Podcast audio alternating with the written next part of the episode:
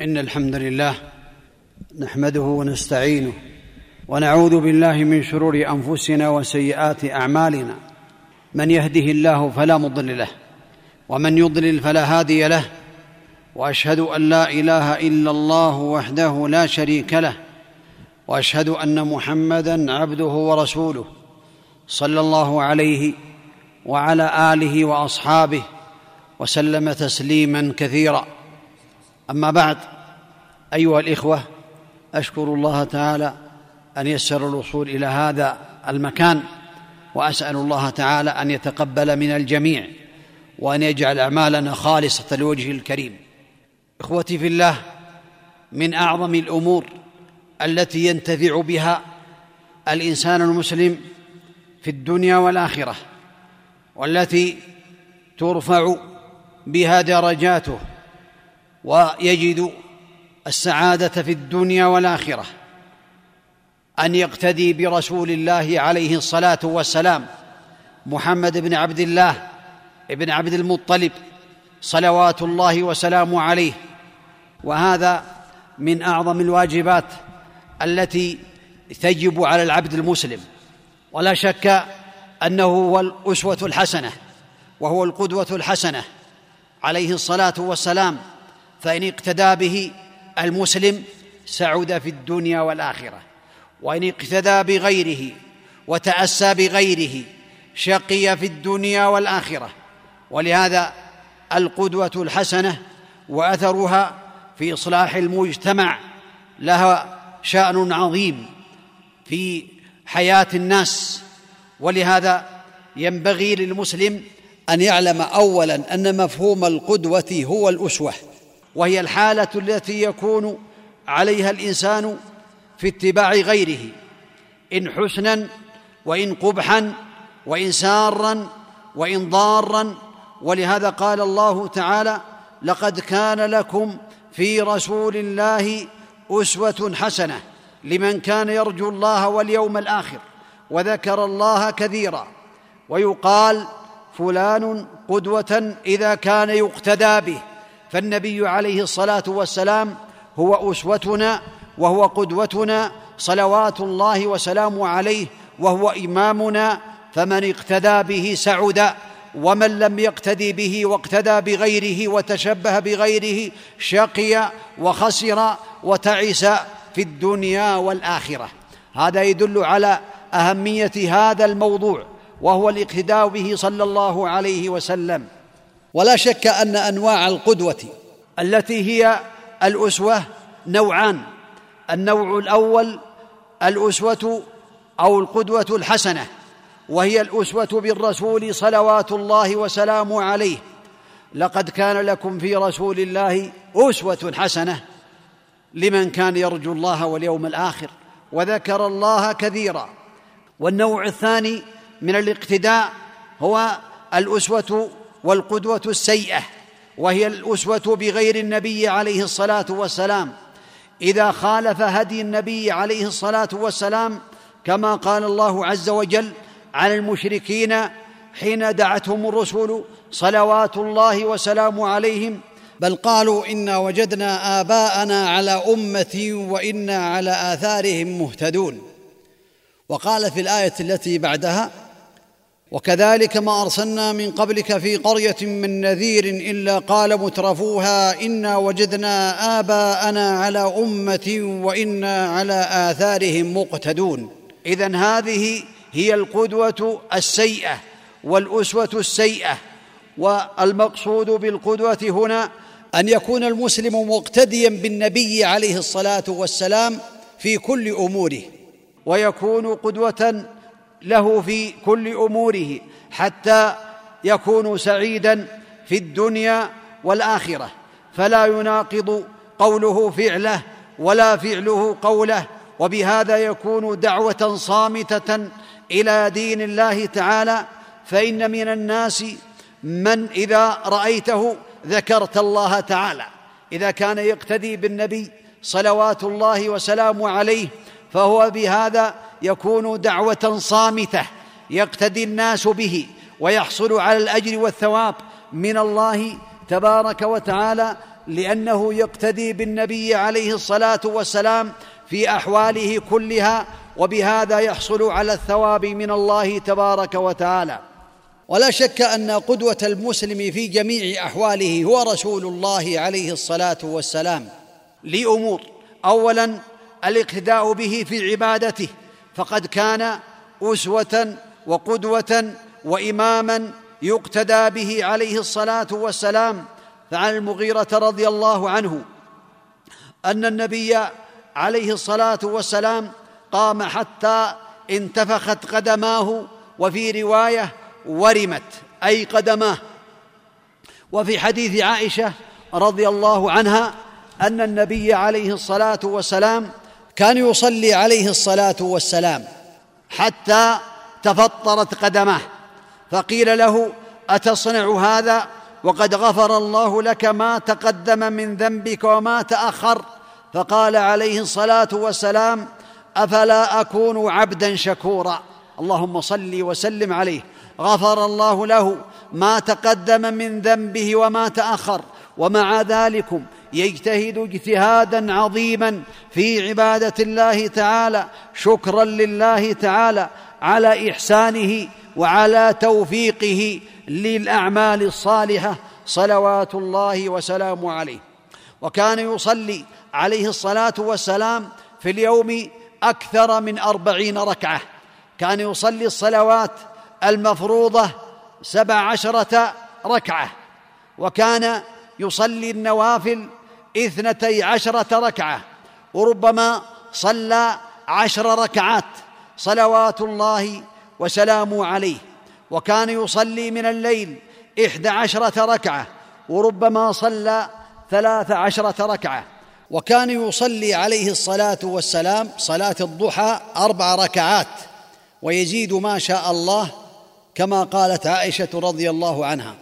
وكان يصلي عليه الصلاة والسلام هذه الصلوات رغبة فيما عند الله تعالى وهذا العمل يعتبر قدوة للمسلم ينبغي له أن يقتدي برسول الله عليه الصلاة والسلام فيما يستطيع حتى يجد السعادة في الدنيا والآخرة لاقتدائه ولاتسائه برسول الله عليه الصلاة والسلام. وأما صيامه فكان يصوم غير رمضان ثلاثة أيام وكان يتحرى صيام الاثنين والخميس. ويقول بأن الأعمال تعرض فيهما على الله تعالى فيحب أن يعرض عمله وهو صائم. وكان عليه الصلاة والسلام يصوم شعبان إلا قليلا بل كان يصوم شعبان كله فكان يصوم حتى يقال لا يفطر ويفطر حتى يقال لا يصوم وما استكمل شهرا غير رمضان. فهذا يدل على حرصه صلوات الله وسلامه عليه على عبادة ربه سبحانه وتعالى. وهذا يدل على رغبته فيما عند الله تبارك وتعالى. ولهذا كان صلوات الله وسلامه عليه يصوم كثيرا يصوم حتى يقال لا يفطر ويفطر حتى يقال لا يصوم صلوات الله وسلامه عليه. ومعنى ذلك أنه إذا كان عنده شيء من الفراغ فإنه يصوم عليه الصلاة والسلام. وإذا شغل بالجهاد في سبيل الله وبالدعوة إلى الله وبغير ذلك من أمور المسلمين أفطر حتى يقال لا يصوم صلوات الله وسلامه عليه. ومن صيامه أنه كان يصوم يوم عاشوراء صلوات الله وسلامه عليه وكان قد روي عنه أنه يصوم صلوات الله وسلامه عليه تسعه ذي الحجة عليه الصلاة والسلام. ومن حرصه على عبادة ربه أنه كان يواصل الصيام اليومين والثلاثة وبين أنه يبيت يطعمه ربه ويسقيه وهذا على الصحيح لذة العبادة. يتلذذ بعبادة الله تعالى حتى تغنيه عن الطعام والشراب. المناجاة لله تعالى تغنيه. وقد نهى عن الوصال عليه الصلاة والسلام ولكنه يواصل ويقول لأني أبيت يطعمني ربي ويسقين. وهذا الإطعام هو التلذذ بعبادة الله تعالى. وهذا يدل على صدقه مع ربه تبارك وتعالى وعلى توفيق الله عز وجل له. وهذا يدل على تلذذه ولهذا كان يقول يا بلال أرحنا بالصلاة. كان يرتاح ويجد الأنس والراحة في الصلاة صلوات الله وسلامه عليه. ولهذا قال وجعلت قرة عيني في الصلاة صلوات الله وسلامه عليه. وأما صدقته فكان يكثر الصدقة فكان يتصف بالجود والكرم وكان أجود بالخير من الريح المرسلة حينما يلقاه جبريل صلوات الله وسلامه عليه وأعطى رجلا غنما بين جبلين فرجع الرجل إلى قومه وقال يا قوم أسلموا أسلموا فإن محمدا يعطي عطاء لا يخشى الفاقة. هكذا كان النبي عليه الصلاة والسلام. فينبغي للمسلم أن يقتدي به عليه الصلاة والسلام ويتخذه أسوة في صلاته وفي عباداته وفي أعماله كلها التي شرعها لعباد الله تعالى حتى يجد السعادة في الدنيا والآخرة. وأما جهاده في سبيل الله تعالى فقد كان يجاهد في جميع ميادين الجهاد. جاهد عليه الصلاة والسلام جهاد النفس وله أربع مراتب. جهاد النفس هي يجاهدها المسلم على التعلم أي يتعلم العلم وعلى العمل بالعلم وعلى الدعوة إلى ما علم وعلى الصبر على الأذى. فهذه أربع مراتب لجهاد النفس وقد جاهدها وعمل بها رسول الله صلى الله عليه وسلم. وجهاد الشيطان وله مرتبتان. جهاده في دفع الشبهات التي يلقيها في القلوب وفي دفع الشهوات التي يزينها للناس. فقد جاهد النبي صلوات الله وسلامه عليه هذا الجهاد بمرتبتيه. وجهاد الكفار وله أربع مراتب. يجاهدهم باللسان بالدعوة إلى الله تعالى بالأمر بالمعروف بالدعوة إلى الإسلام. يجاهدهم بالمال يجاهدهم باليد وبالسنان. هذا جهاد عظيم كذلك يجاهدون بالقلب بأن يبغضوا في الله تعالى. وهذا الجهاد قد جاهده رسول الله عليه الصلاة والسلام.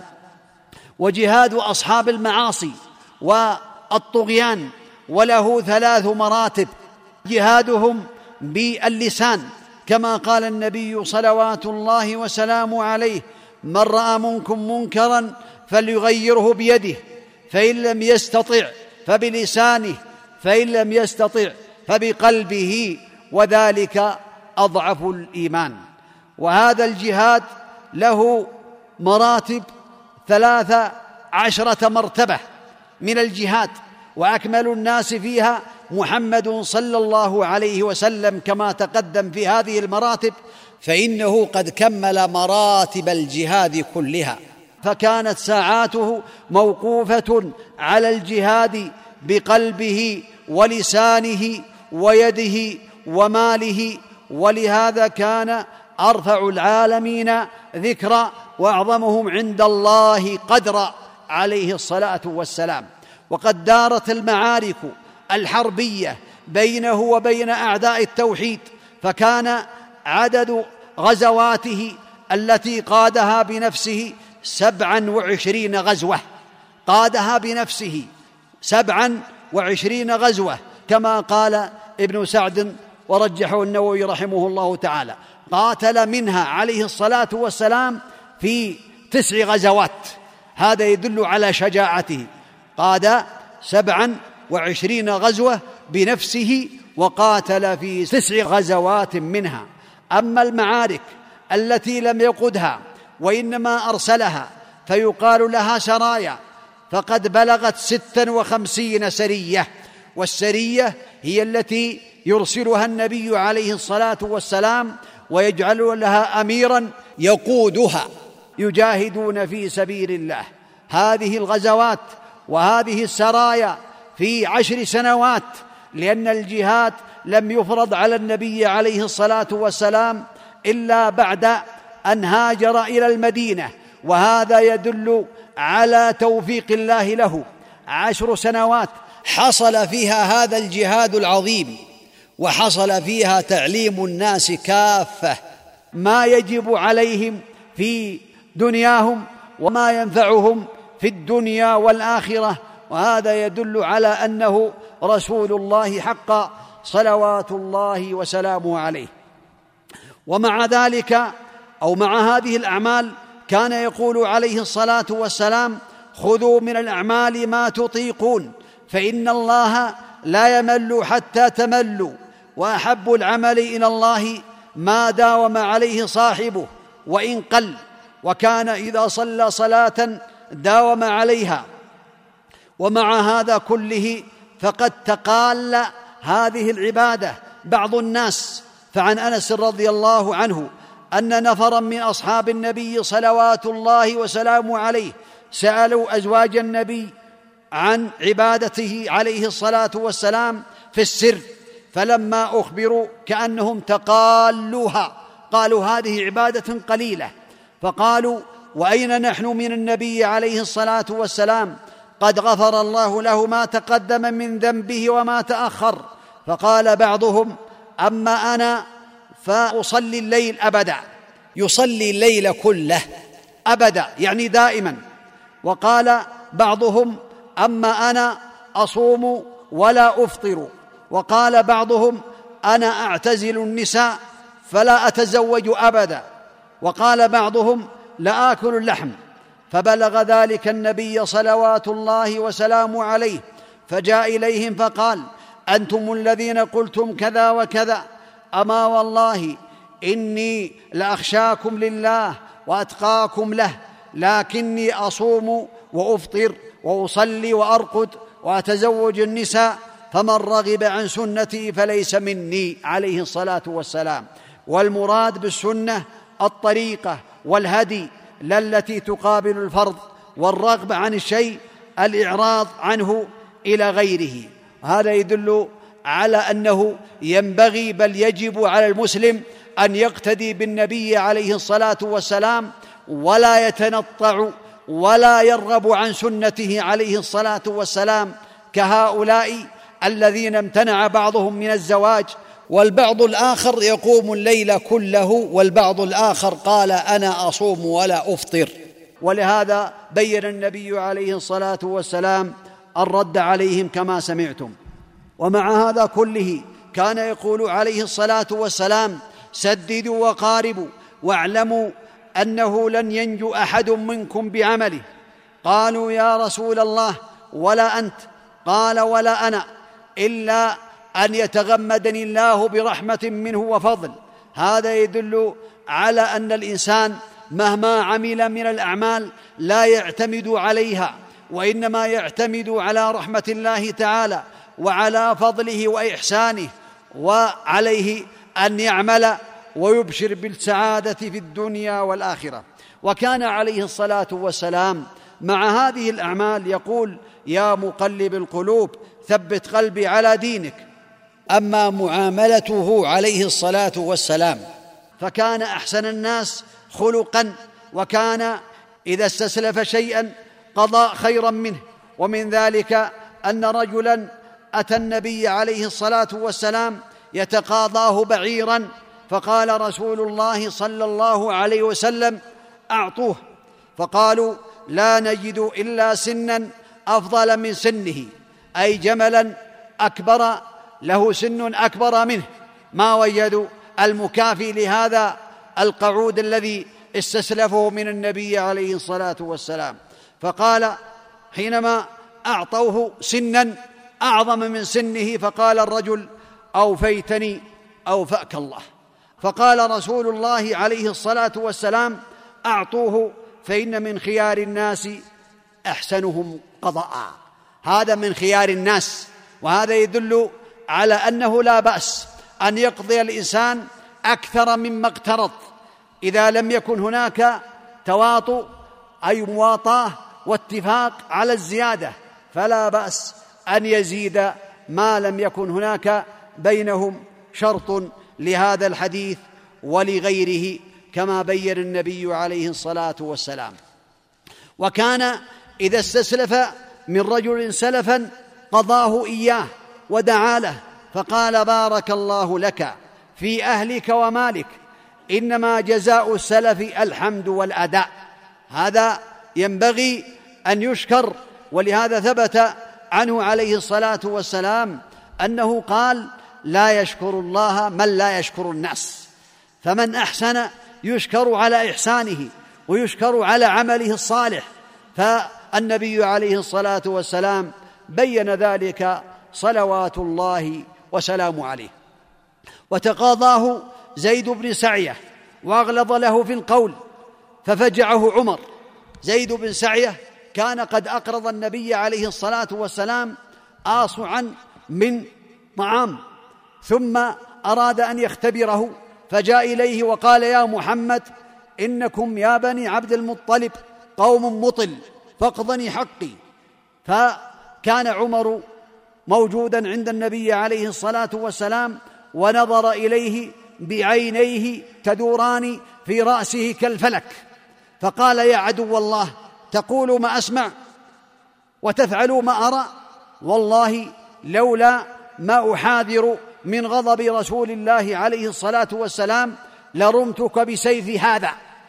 فالنبي عليه الصلاة والسلام أمر عمر أن يقضيه حقه وأن يزيده عشرين صاعا مكان ما راعه عمر لأن عمر راعه فجعه فذهب به وقضاه وحينما قضاه وزاده قال يا عمر أتدري من أنا؟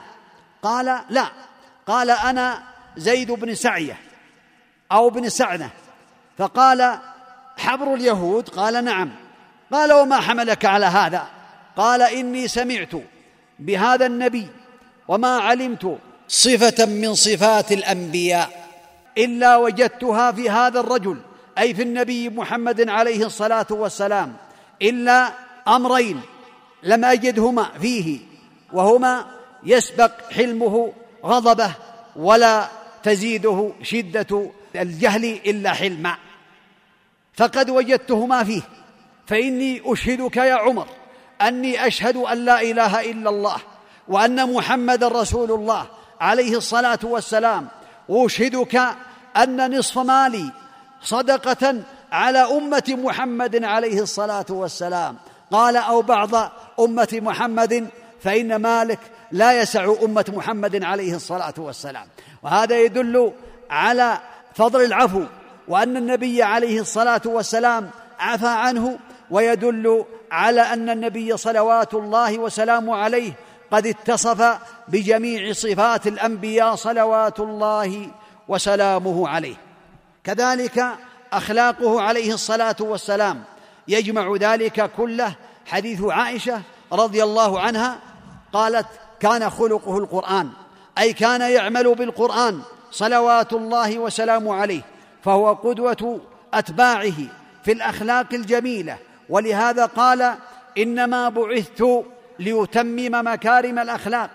ولا شك أنه عليه الصلاة والسلام كان أكرم الناس وأشجع الناس وأرحم الناس وأعظمهم تواضعا وعدلا وصبرا ورفقا واناتا وعفوا وحلما وحياء وثباتا على الحق. صلوات الله وسلامه عليه.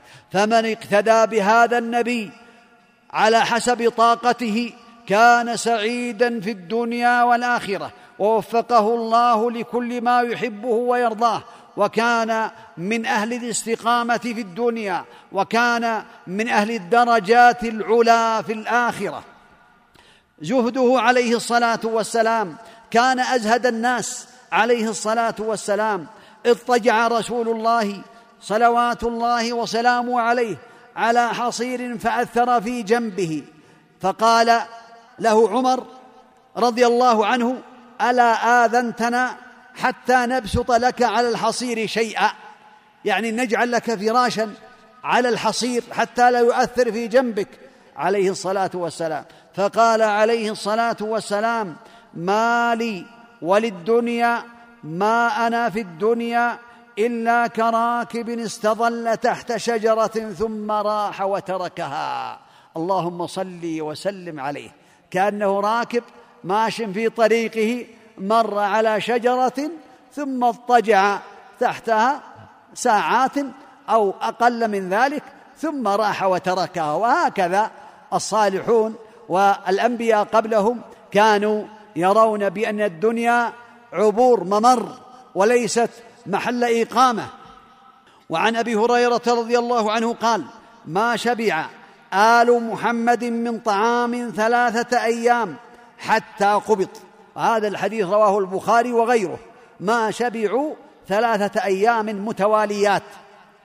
وعن عائشة رضي الله عنها قالت ما شبع آل محمد منذ قدم المدينة من طعام البر ثلاث ليال تباعا حتى قبض عليه الصلاة والسلام.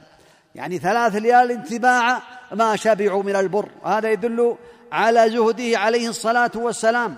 والمقصود أنهم لم يشبعوا ثلاثة أيام بلياليها متوالية. والظاهر أن سبب عدم شبعهم غالبا كان بسبب قلة الشيء عندهم.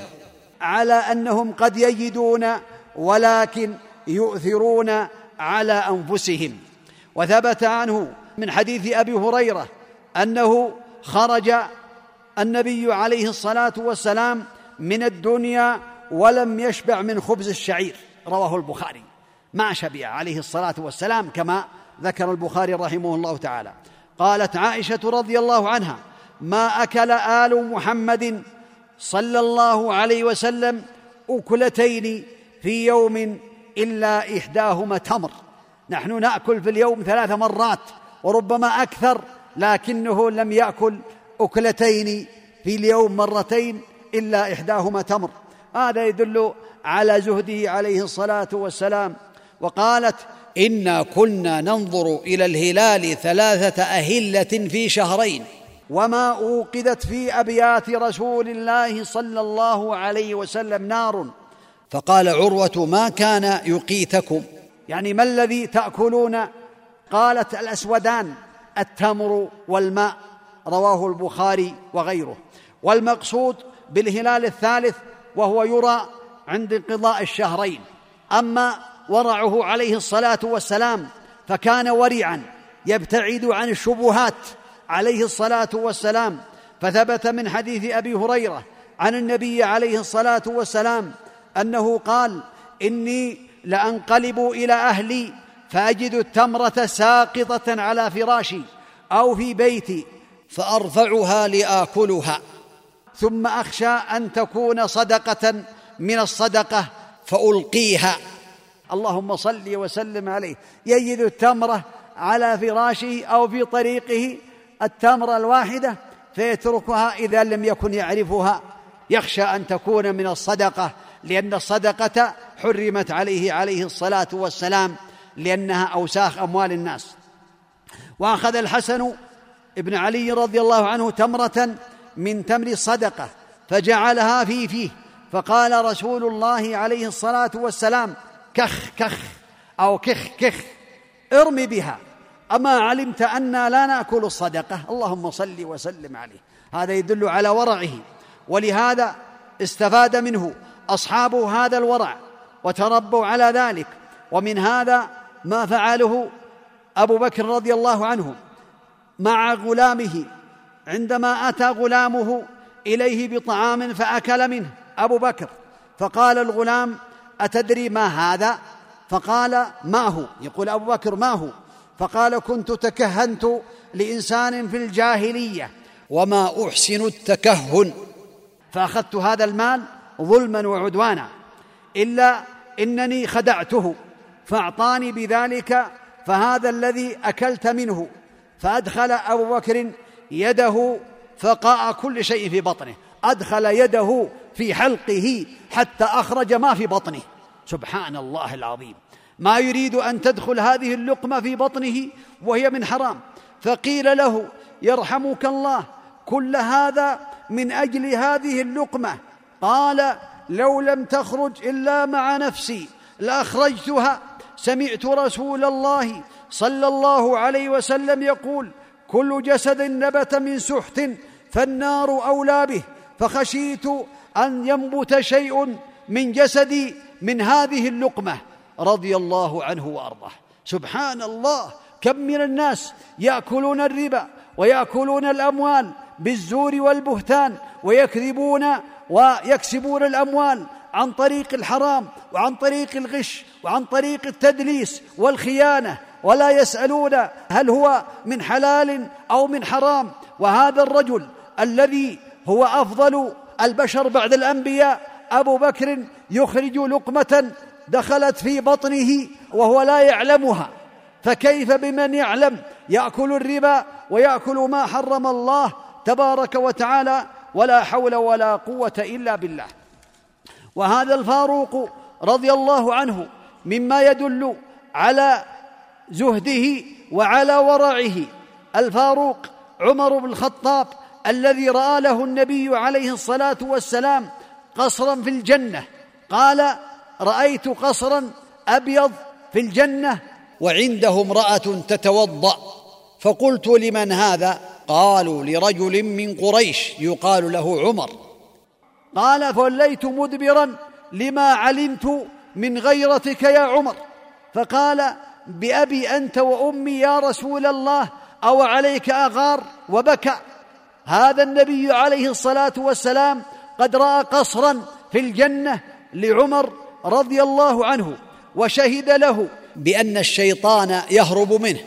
كما بين النبي عليه الصلاة والسلام له ما سلكت فجا يا عمر إلا وسلك الشيطان فجا غير فجك.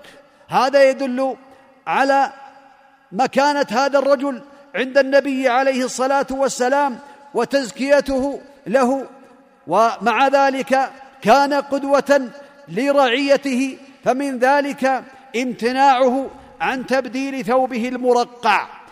وعن تبديل بعيره. وقال نحن قوم أعزنا الله بالإسلام فلا نطلب بغير الله بديلا. وقال لأبي عبيدة رضي الله عنه حينما نزل عمر من على بعيره ليخوض الماء وضرب صدر أبي عبيدة وقال أوه لو غيرك يقولها يا أبا عبيدة إنكم كنتم أذل الناس وأحقر الناس وأقل الناس فأعزكم الله بالإسلام فمهما تطلبوا العز بغيره أذلكم الله. وكان إذا أنكر نفسه ادبها عمر يؤدب نفسه. فكان معه أنس فسمعه يقول وهو داخل حائط يقضي حاجته رضي الله عنه. بينه وبينه ساتر يقضي حاجته. أمير المؤمنين بخ بخ يقول داخل الحائط.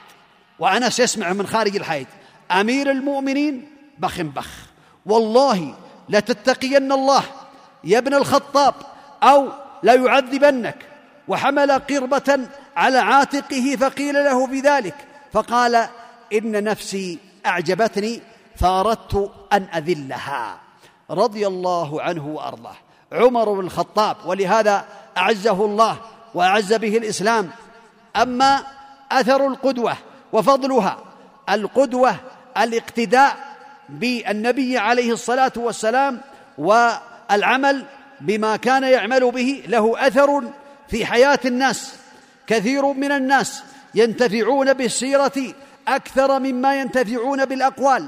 ولهذا أمثلة كثيرة منها أن النبي عليه الصلاة والسلام اتخذ خاتما من ذهب فاتخذ الناس خواتيم من ذهب فقال صلى الله عليه وسلم إني اتخذت خاتما من ذهب فنبذه أي طرحه وقال إني لن ألبسه أبدا فنبذ الناس خواتيمهم. هذا الداعية والمعلم للناس الخير ينبغي له أن يبتعد عما حرم الله ويكون قدوة لغيره حتى يقتدي به الناس. ولهذا حينما ألقى الخاتم من الذهب ألقاه الناس لأن الفعل أبلغ من القول. وعندما أمر صلى الله عليه وسلم أصحابه بالتحلل عام الحديبية وتأخروا عن المبادرة رجاء أن يأذن لهم في القتال وأن ينصروا فيكملوا عمرتهم. فقالت له أم سلمة اخرج إليهم واذبح واحلق. ففعل فتابعوه مسرعين. حينما رأوا النبي عليه الصلاة والسلام حلق ونحر حلقوا ونحروا اقتداء بالنبي عليه الصلاة والسلام. فالمسلم الداعية والمعلم للناس الخير ينبغي له أن يكون قدوة صالحة للناس حتى يقتدوا به. ولا شك أن من اقتدى به الناس فعملوا بعمله فله مثل أجورهم من غير أن ينقص من أجورهم شيئا. فعن جرير بن عبد الله قال جاء ناس من الأعراب إلى رسول الله صلى الله عليه وسلم عليهم الصوف فرأى سوء حالهم عليه الصلاة والسلام وقد أصابتهم حاجة فحث الناس على الصدقة فأبطأوا عنه حتى رؤي ذلك في وجه النبي عليه الصلاة والسلام. فجاء رجل من الأنصار بصره كادت كفه أن تعجز عنها بل قد عجزت ثم جاء آخر ثم تتابع الناس حتى عرف السرور في وجه رسول الله صلى الله عليه وسلم حينما تتابع الناس بالصدقة. ثم قال من سن في الإسلام سنة حسنة فعمل بها بعده فله أجرها وأجر من عمل بها بعده من غير أن ينقص من أجورهم شيء. ومن سن في الإسلام سنة سيئة كان عليه وزرها ووزر من عمل بها بعده من غير أن ينقص من أوزارهم شيء. وهذا من فضل الله تعالى على معلم الناس الخير. وفيه التحذير لمن يعلم الناس الشر. كما بين النبي عليه الصلاة والسلام وهو مثل حديث أبي هريرة رضي الله عنه من دعا إلى هدى كان له من أجر مثل أجور من تبعه لا ينقص ذلك من أجورهم شيئا. ومن دعا إلى ضلاله كان عليه من الإثم مثل آثام من تبعه لا ينقص ذلك من آثامهم شيئا.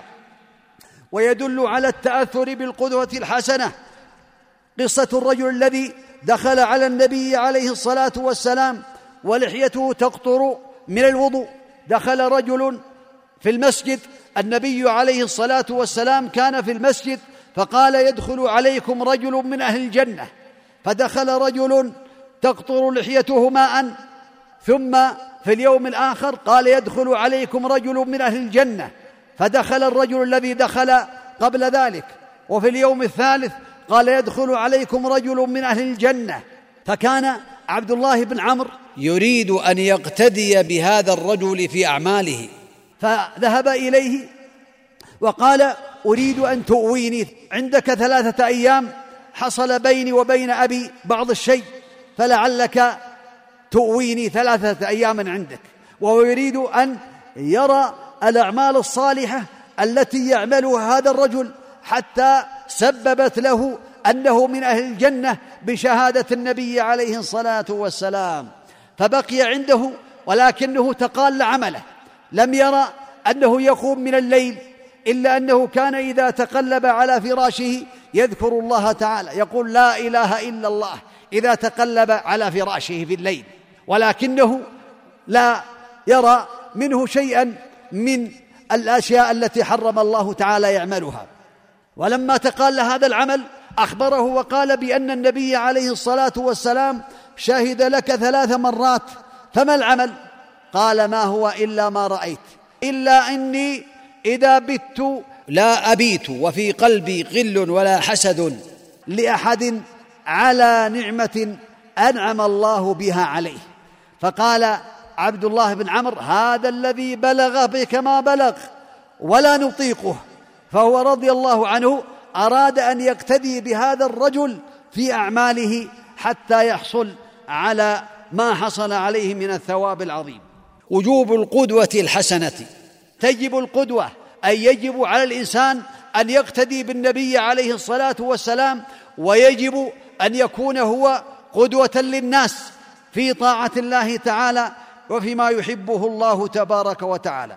يجب أن يكون الوالد قدوة صالحة لأولاده لأن الطفل يتأثر بما يراه من أعمال وسلوك ويقوم بالتقليد الفطري التلقائي لوالديه ولمن يكبره من إخوته ولهذا قال القائل وينشأ ناشئ الفتيان فينا على ما كان عوده أبوه. فالأب إذا كان قدوة صالحة لأولاده يلتزم بطاعة الله ويبتعد عن محارم الله فيكون قدوة لأولاده ولأهل بيته ويكون معينا لهم على الاقتداء به.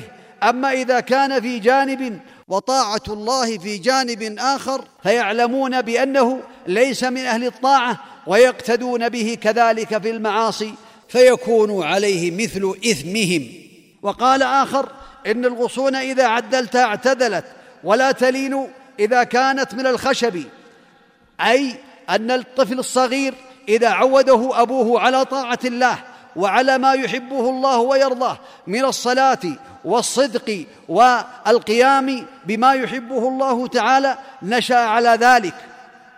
كما يجب على الأم أن تكون قدوة صالحة لأبنائها وبناتها لأنها هي أساس التربية. ولهذا قال القائل الأم مدرسة إذا أعددتها أعددت شعبا طيب الأعراق.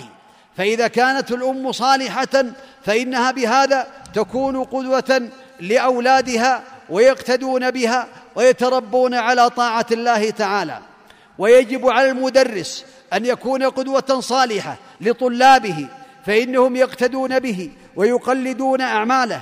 فإذا فعل ذلك كان له الثواب العظيم والأجر الكبير كما تقدم. ولا شك أن هذه القدوة الحسنة يحصل على الأجر العظيم من الله تعالى فيها. أجر ما دل عليه بأعماله الطيبة كما قال عليه الصلاة والسلام من دل على خير فله مثل أجر فاعله. وقد أحسن القائل حين قال يا أيها الرجل المعلم غيره هل لنفسك كان ذا التعليم؟ ابدأ بنفسك فانهها عن غيها فإذا انتهت عنه فأنت حكيم. فهناك يقبل ما تقول ويقتدى بالعلم منك وينفع التعليم.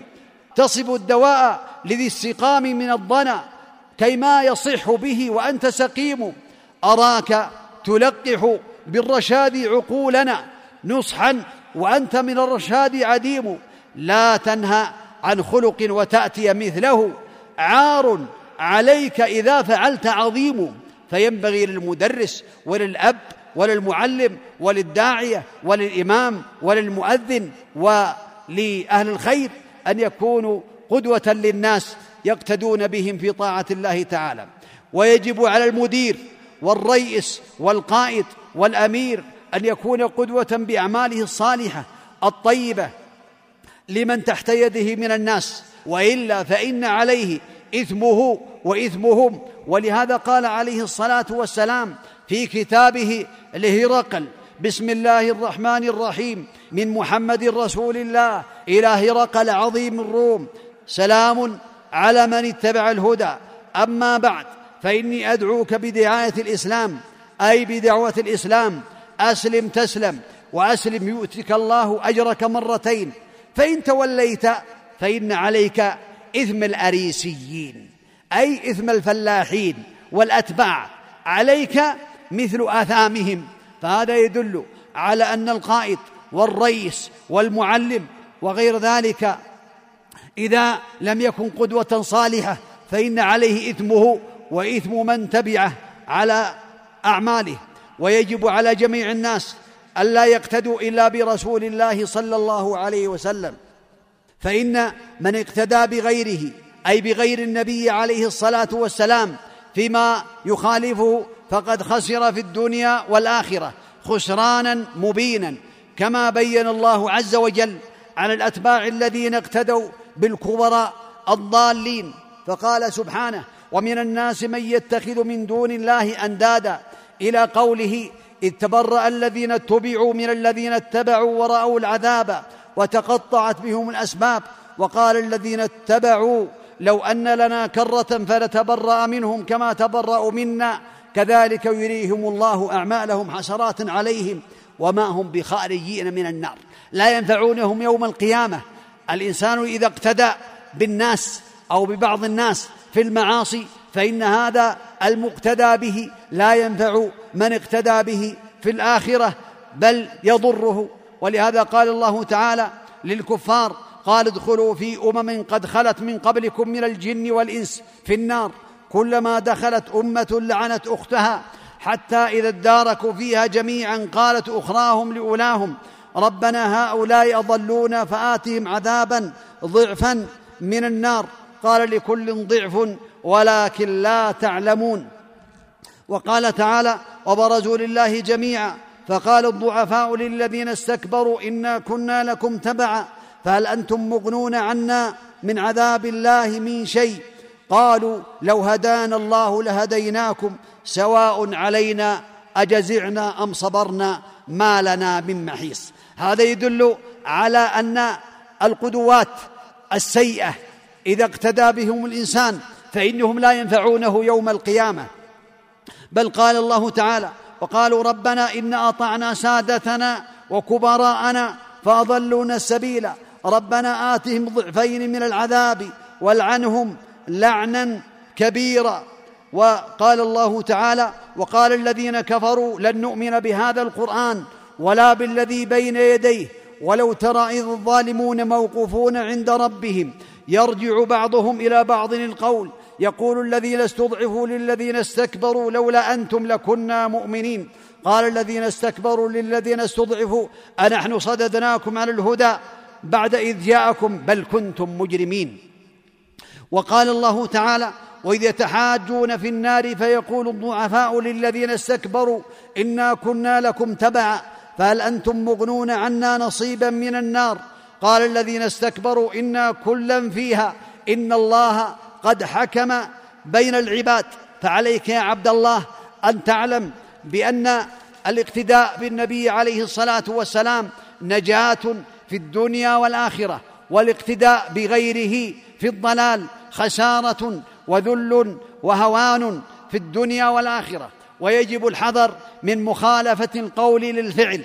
فقد قال الله تعالى يا أيها الذين آمنوا لم تقولون ما لا تفعلون؟ كبر مقتا عند الله أن تقولوا ما لا تفعلون. فالمسلم عليه أن يتقي الله تعالى ولا يقول ما لا يفعل بل يجب عليه أن يطابق قوله فعله وفعله قوله حتى يكون من الصادقين ولا يكون من المنافقين. وقد ذم الله تعالى بعض أهل الكتاب بقوله أتأمرون الناس بالبر وتنسون أنفسكم وأنتم تتلون الكتاب أفلا تعقلون؟ فينبغي بل يجب على المسلم أن يكون قدوة للناس فيما يقول لهم يكون أول من يعمل العمل الصالح إذا دعا إليه.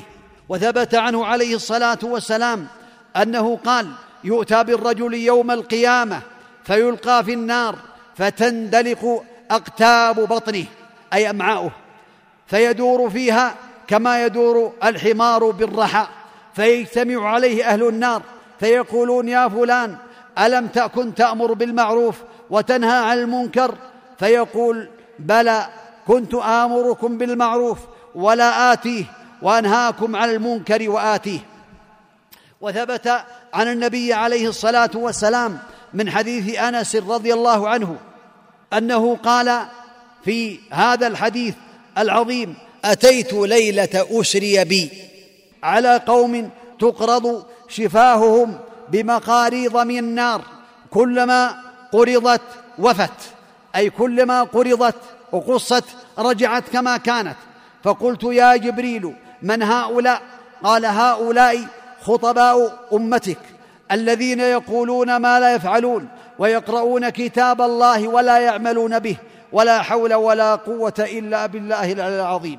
وكان عمر رضي الله عنه إذا صعد المنبر فنهى الناس عن شيء جمع أهله فقال إني نهيت الناس عن كذا وكذا وإن الناس ينظرون إليكم نظر الطير إلى اللحم وأقسم بالله لا أجد أحدا منكم فعله إلا أضعفت عليه العقوبة.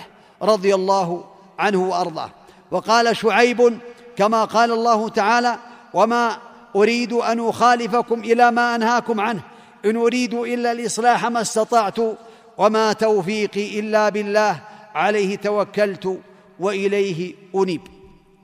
ويجب الابتعاد عن جلساء السوء فإن جليس السوء يقتدي به المجالس ويقتدي به في أعماله ويعمل بأعماله. ولهذا ثبت عن النبي عليه الصلاة والسلام أنه قال الرجل على دين خليله فلينظر أحدكم من يخالل فالرجل على دين خليله فالمسلم عليه أن يبتعد عن جليس السوء فإنه يكون قدوة سيئة لمن جلس معه. وثبت أنه قال إنما مثل الجليس الصالح والجليس السوء كحامل المسك ونافخ الكير. فحامل المسك. إما أن يحذيك وإما أن تبتاع منه وإما أن تجد منه ريحا طيبة ونافخ الكير إما أن يحرق ثيابك أو تجد منه ريحا خبيثة أو كما قال النبي عليه الصلاة والسلام. ولهذا نهى النبي عليه الصلاة والسلام عن مصاحبة الأشرار وأمر بمصاحبة الأخيار فقال لا تصاحب إلا مؤمنا ولا يأكل طعامك إلا تقيا. والله تعالى قد قال الأخلاء يومئذ بعضهم لبعض عدو إلا المتقين. فعليك يا عبد الله أن تقتدي بالصالحين وأن تبتعد عن أهل السوء وتبعد أولادك وأهل بيتك عن جلساء السوء. ولهذا يقول الله تعالى تحسيرا للظالمين ولمن اتبعهم ولمن تبعوه. ويوم يعض الظالم على يديه يقول يا ليتني اتخذت مع الرسول سبيلا. يا ويلتى ليتني لم أتخذ فلانا خليلا. لقد أضلني عن الذكر بعد إذ جاءني وكان الشيطان للإنسان خذولا. ورحم الله القائل حين قال عن المرء لا تسأل وسل عن قرينه فكل قرين بالمقارن يقتدي. وقال آخر صحبة الأخيار للقلب دواء تزيد في القلب نشاطا وقوى وصحبة الجهال داء وعمى تزيد في القلب السقيم سقما أو سقما. فالمسلم عليه أن يقتدي برسول الله عليه الصلاة والسلام وبالصالحين وبالعلماء وعليه أن يعلم بأن السعادة ستكون. من نصيبه في الدنيا والآخرة ويجب عليه كذلك أن يكون قدوة في الأفعال والأقوال كذلك.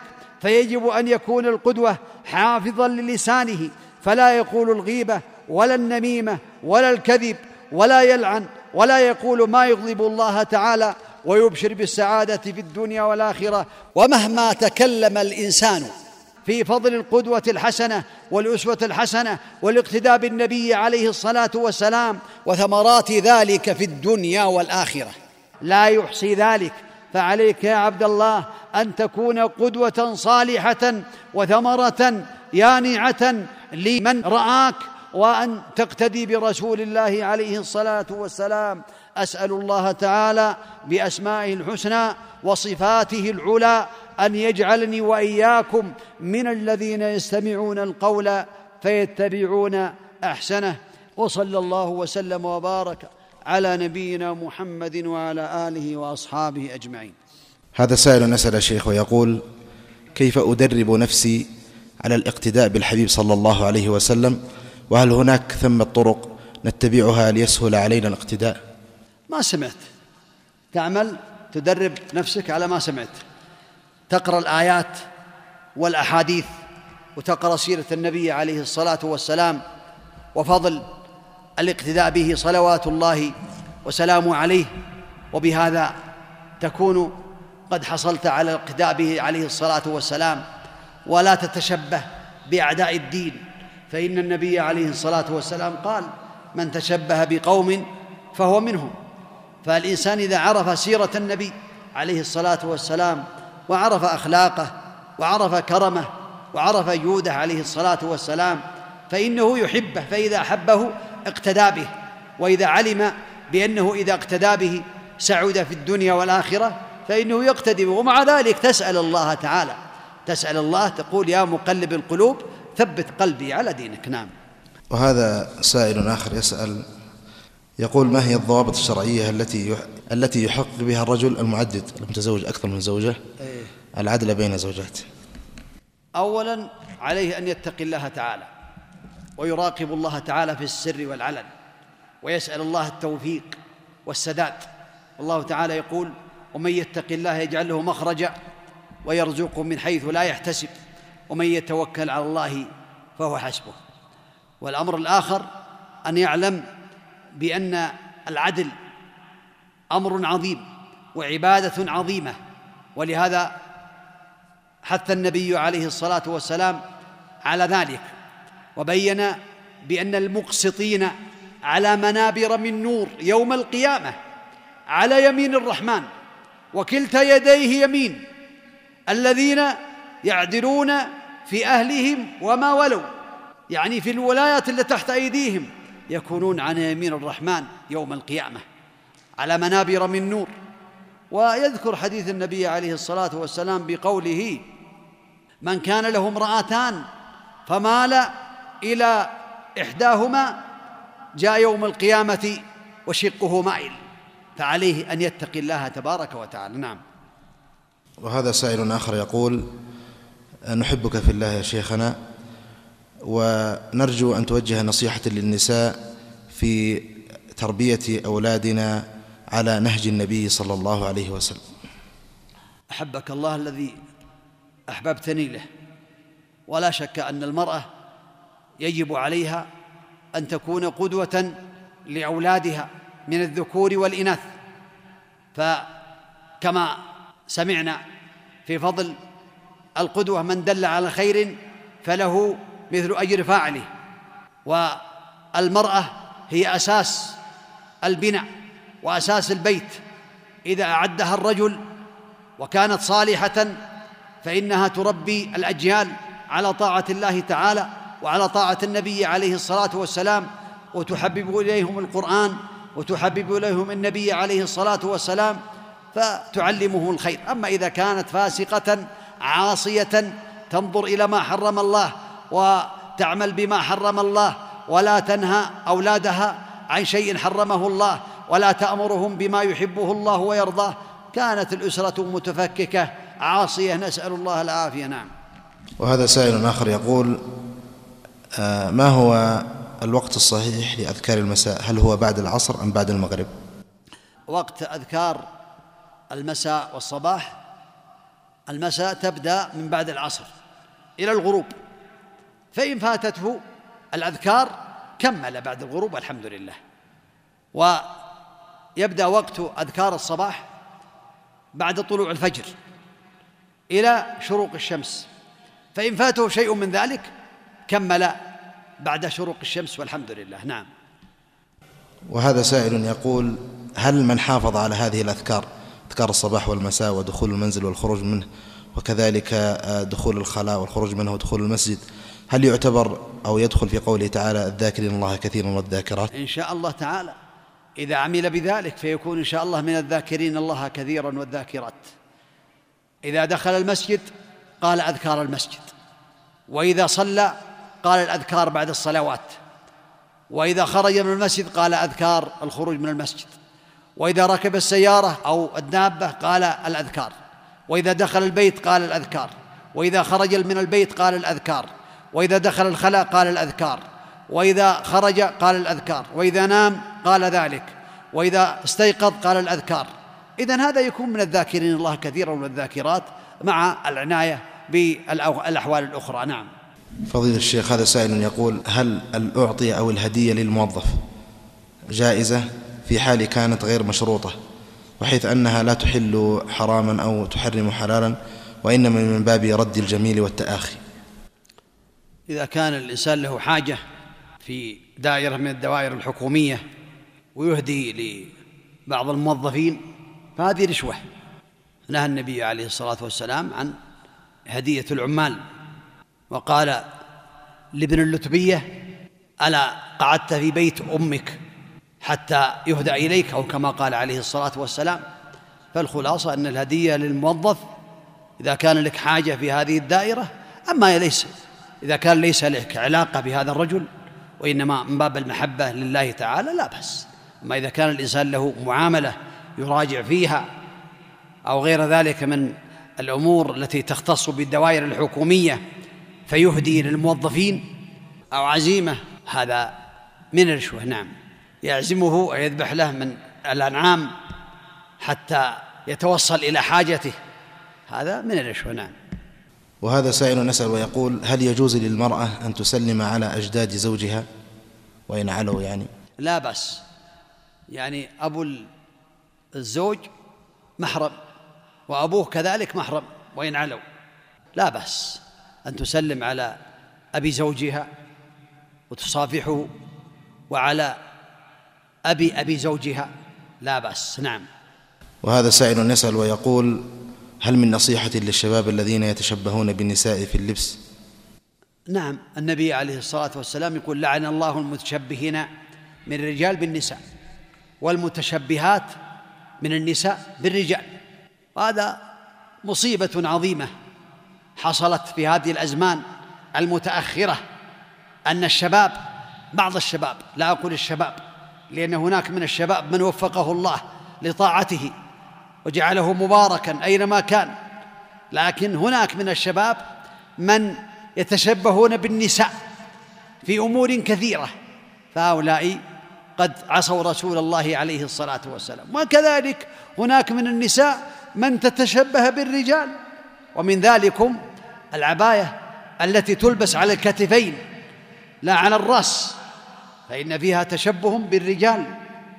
وغير ذلك. الخلاصة أن النبي عليه الصلاة والسلام قال لعن الله أي أبعدهم من رحمته لعن الله المتشبهين من الرجال بالنساء والمتشبهات من النساء بالرجال أو كما قال النبي عليه الصلاة والسلام. نعم.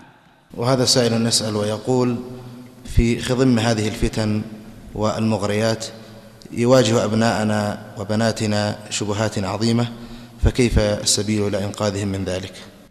هذه فتن حلت وتزداد في كل وقت. هذا يصدق ما يقوله النبي عليه الصلاة والسلام في آخر الزمان. قد ثبت أن النبي عليه الصلاة والسلام قال لا يأتي زمان إلا والذي بعده شر منه حتى تلقوا ربكم.